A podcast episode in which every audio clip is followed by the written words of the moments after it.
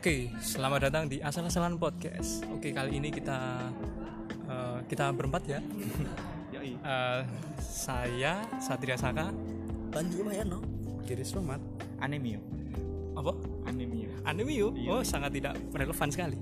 Oke, eh, ini kan tugas ceritanya. Nah, eh, kita di sini ditugaskan untuk membahas tentang masalah sosial nah, yang ada di sekitar Nah, kira-kira kita mau membahas apa ini? tentang yang lagi viral itu pembunuhan balita oleh anak SMP berusia 15 tahun dari segi psikologi Nah, mungkin Mas Didin bisa beritahukan teorinya iya sih. Eh, anu eh, lebih ke eh, kronologinya dulu aja. Oh, enggak enggak enggak enggak tahu dong. Oh ya. Saya belum dapat cerita. Oke. Saya cuma tadi uh, sempat searching uh, soal teori-teori teori-teori apa saja yang bisa kita gali Oke. dari suatu masalah tersebut. Nah dari situ saya mendapatkan sebuah teori juga dari masukan dari bu dosen saya.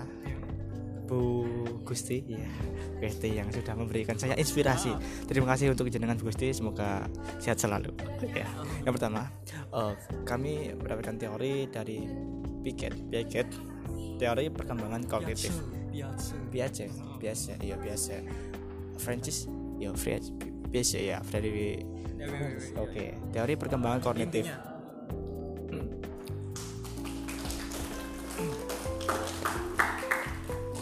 Dari teori ini terdapat empat eh, pembagian. Yang pertama itu periode sensori periode sensori motor yaitu usia 0 sampai 2 tahun, kemudian periode praoperasional 2 sampai 7 tahun, kemudian pe- periode operasional konkret 7 sampai 11 tahun dan periode operasional formal 11 tahun sampai dewasa. Nah, dari sini saya mendapatkan sebuah deskripsi tentang teori tersebut dalam eh, pembagian ke- ketiga tahap operasional konkret ini kami dapatkan bahwasanya dalam umur 7 sampai 11 tahun ini terdapat penghilangan sifat egosentrisme.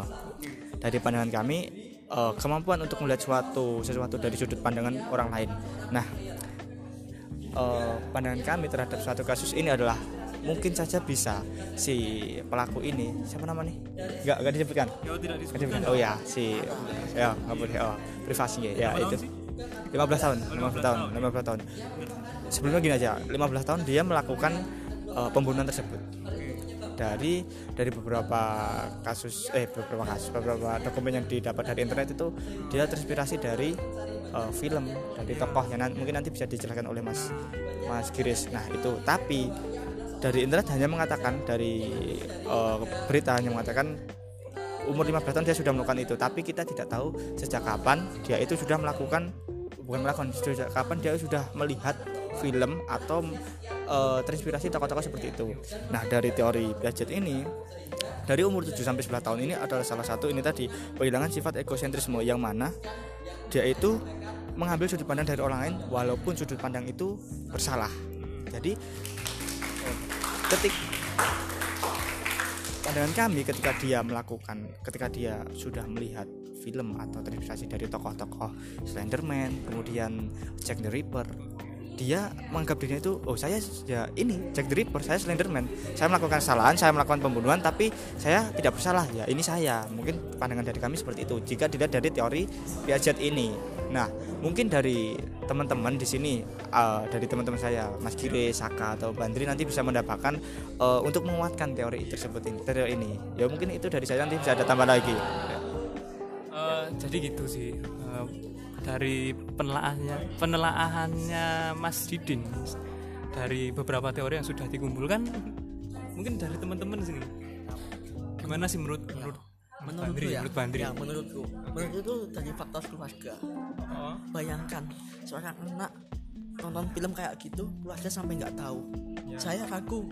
Bila anak itu menonton itu Hanya beberapa hari belakangan Atau beberapa bulan Pasti bertahun-tahun yang lalu. Itu dikumpulkan dari tadi. Oh. mereka apakah mungkin sudah sejak umur 10 tahun dia sudah melihat film tersebut atau mungkin eh, dia sudah tahu kalau nggak seenggaknya tahu ada sosok ada tokoh Slenderman ada tokoh Jack Ripper sejak tahun itu.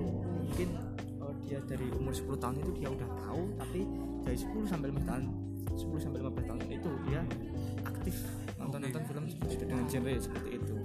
Terus ditambah lagi masa keluarga nggak tahu ada mayat di dalam ember Nah. atau dalam lemari di kamarnya?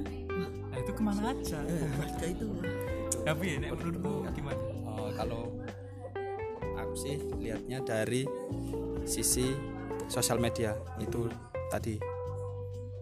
Banyak banyak foto berupa catatan yang itu sebenarnya itu dia itu terinspirasi dari kisah-kisah yang dulu itu lebih dikenal dengan sebutan creepypasta. Itu creepypasta itu oh kisah-kisah horor. Ah kisah horor. Nah itu mulai masuk Indonesia kan se kalau nggak salah itu sekitar tahun 2013 2014 ya itu saya mulai karena saya juga mulai suka ngikutin hal seperti itu jadi tahu itu coretan-coretannya itu memang terinspirasi dari grup-grup seperti itu. Nah bahkan itu juga ada salah satu tokoh itu Slenderman itu juga waktu itu viral. Bahkan itu eh, viral itu nggak hanya satu bulan dua bulan berupa sensasi itu benar-benar sampai akhir 2015 itu sosok figur Slenderman itu kan bahkan juga sampai dibilang mau dibikin film.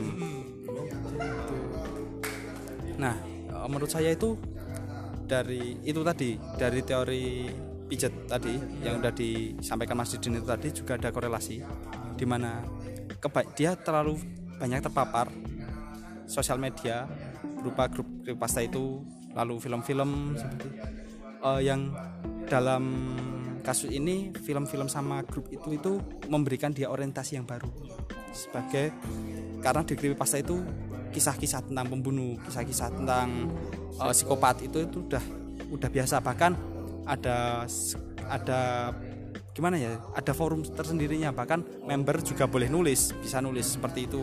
Bagaimana kalau member itu menjadi psikopat dan dalam cerita-cerita seperti itu memang tidak disebutkan rasa bersalah. Makanya mungkin itu juga menjadi bagian penting yang membentuk eh, perkembangan psikis dan emosionalnya sehingga dia jadi seperti itu. Kembali lagi ke eh, mungkin kita kita zaman umur umur SMP 14 sampai 14 sampai 18 atau mungkin 20 tahun kita kan masih eh, dibilang proses untuk me- menemukan jati diri. Ya jati diri ini nah, proses ini seharusnya harus diawasi oleh para para orang tua sekitarnya.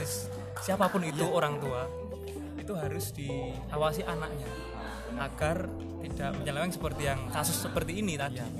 Eh, mungkin kesalahan dari orang tua kalau menurutku loh ya. Menurutku itu mungkin kesalahan dari orang tua. Kenapa toh kok anak mungkin umur belasan tahun seperti itu udah dipersilahkan ibaratnya. Persilahkan membuka seperti konten-konten creepypasta film. nah, film-film nah, nah yang intinya tentang pembunuhan. itu kan kembali lagi eh, eh, apa ya? Ibaratnya apa? Mengiris. Mengiris ya orang bukan mengiris sih. Menyerempet. Oh merempet mentalnya kan? Jadi eh, mungkin ya mudah terpengaruh. Pertama itu. Nah mudah terpantik dengan eh, film ini misalkan. Dia dia nonton film ini dia merasa wih keren dia pengen keren dengan cara yang salah oh ya benar. Jadi kesimpulannya orang tua itu harus lebih berperan. Iya sebagai pa- sebagai figur. Figur yang seharusnya bisa dijadikan contoh sehingga dia tidak mengambil contoh-contoh yang salah. Iya, dan orang tua itu kan ya intensitas dengan anak. Nah, jadi pertanyaan yang terbesar ke mana saja orang tua ini? Ya itu bisa jadi pertanyaan. Nah. Mungkin kalau ya kalau kalau kalaupun orang tua bekerja masa sih meluangkan waktu satu jam dua jam untuk anaknya? Nggak bisa. Enggaknya ngobrol gitu ya bisa makan bareng kita jadi jadi inti permasalahan ya mungkin dari kasus seperti ini tuh lebih pengawasan. ya, lebih ke pengawasan orang tua. Eh, bagaimana orang tua memberikan nilai-nilai pelajaran lah yang yang seharusnya didapatkan pada umur-umur belasan seperti itu. Oke, Eh, cukup cukup podcast kali ini. Kita sudah memasuki 10 menit. Oke, jadi udah dapat iklan berarti kalau sudah dapat iklan sih, YouTube bener sih. dapat iklan Oke, semoga dapat dapat AdSense. amit amit amit Berawal dari tugas bisa dapat AdSense. Oh, iya, Oke, sekian dari asal-asalan podcast Aspot. Spot ya Sekian. selamat pagi Oke.